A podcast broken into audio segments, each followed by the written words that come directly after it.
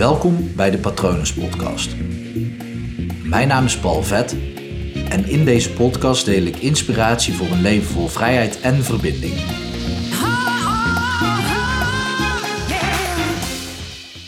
Je omgeving houdt je klein, daar kunnen zij echter niks aan doen, alleen jij kan dat. Ken je dat gevoel wanneer je bij je ouders binnenkomt?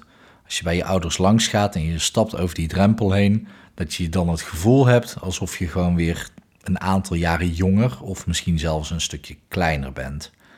Dat is eigenlijk heel logisch, want je ouders die kennen jou vanaf je geboorte. En uh, zij hebben ook gewoon de meeste tijd van jou beleefd terwijl jij kind was. Want vanaf het moment dat jij volwassen bent geworden, ben je uit huis gegaan en maken ze dus veel minder van je mee. Wat zij dus doen, is eigenlijk jou nog steeds zien als de kleine jij, waar ze gewoon het meeste van hebben meegemaakt. En dat is, dat is hartstikke logisch, soms ook een beetje vervelend. Sommige mensen vinden dat vervelend.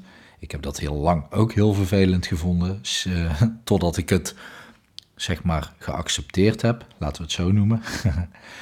um, maar dit is een heel mooi voorbeeld van hoe een omgeving jou hetzelfde blijft behandelen als dat ze jou hebben leren kennen. Nu behandelen je ouders je, als het goed is, niet meer helemaal als baby. maar misschien nog, nog steeds wel als de, de puber bijvoorbeeld.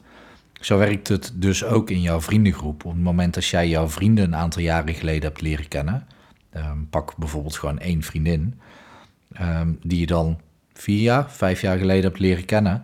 Op dat moment was jij een andere persoon dan dat jij nu bent. Maar omdat jullie elkaar op dat moment hebben leren kennen, is de dynamiek en hoe je met elkaar omgaat eigenlijk nagenoeg hetzelfde gebleven. Natuurlijk zijn er ook vriendengroepen of gewoon vriendinnen, vrienden van elkaar die samen groeien en samen leren. Dat klopt.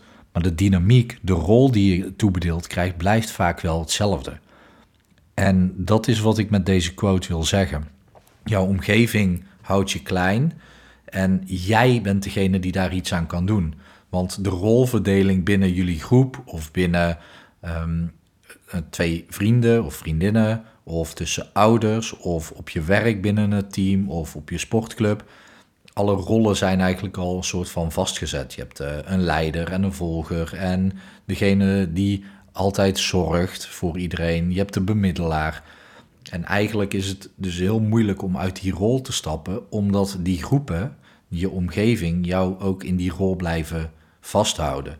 Dan zou je kunnen denken: oké, maar als zij jou dus anders gaan behandelen of benaderen, dan verander jij. Uh, nee. ja, dat klopt. Op het moment als zij, eh, zij dat continu tegen jou blijven zeggen: van nee, jij, jij bent de aanvoerder, jij bent de leider, dan zal je uiteindelijk ook wel gaan doen alsof je de leider bent en dan daarmee ook een leider worden. Maar het is vele malen effectiever en makkelijker op het moment als jij uh, los van je omgeving bepaalt wie jij wil zijn. Dus stel in dit geval jij wilt een leider zijn, terwijl je eigenlijk normaal gesproken een volger was, dan is jouw rol in heel jouw omgeving bij iedereen uh, dat jij volgzaam bent, dat je bijvoorbeeld je altijd ja en amen zegt. Maar op het moment dat jij dus een leider wil zijn, dan kies je voor jezelf, oké, ik ga vanaf nu mezelf gedragen als een leider. Wat je dan zal gaan merken is dat jouw omgeving anders op jou gaat reageren. En dat werkt echt heel erg prettig. Want jouw omgeving, ja, ik zeg prettig aan de ene kant wel, aan de andere kant maakt dat het ook lastig. Maar jouw omgeving, vooral de mensen die jou net leren kennen op dat moment, gaan jou meteen behandelen als leider. Gaan jou meteen zo zien. Maar je